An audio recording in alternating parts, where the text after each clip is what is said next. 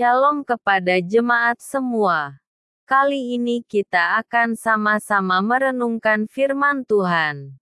Sebelum kita mulai, jangan lupa untuk subscribe Hosiana TV ini ya. Jangan lupa di-share ya. Mari kita mulai. Dengan judul Saatnya telah tiba. Yesaya 47 ayat 1 sampai 15. Tiada yang melihat aku, tiada yang lain di sampingku. Demikian perkataan orang-orang yang menyombongkan diri, yang merasa bahwa semua yang mereka lakukan adalah karena kemampuan mereka sendiri. Padahal itu menyesatkan. Babel menyombongkan diri karena memiliki banyak pengetahuan dari orang-orang bijaksana yang menakjubkan yang menguasai ilmu perbintangan. Mereka mengaku dapat mengucapkan mantra untuk menyerang musuh dan meramalkan nasib orang. Saatnya pun tiba. Allah mengakhiri kesombongan Babel. Mereka akan habis dibakar api seperti jerami dan tidak dapat menyelamatkan diri. Allah menentang kekuasaan dunia yang angkuh.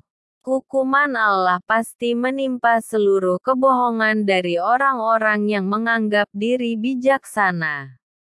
Diperhadapkan pada kenyataan di dunia. Memang ada orang yang merasa aman dan terbiasa melakukan pelanggaran bahkan kejahatan.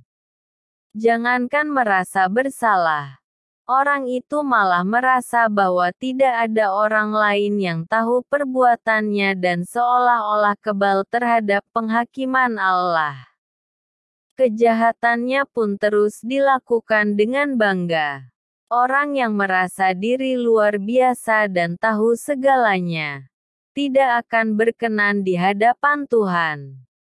Hal ini menjadi pelajaran berharga bagi kita bahwasanya di atas kebijaksanaan kita ada Allah yang mengatur segalanya lebih daripada yang kita mampu pikirkan.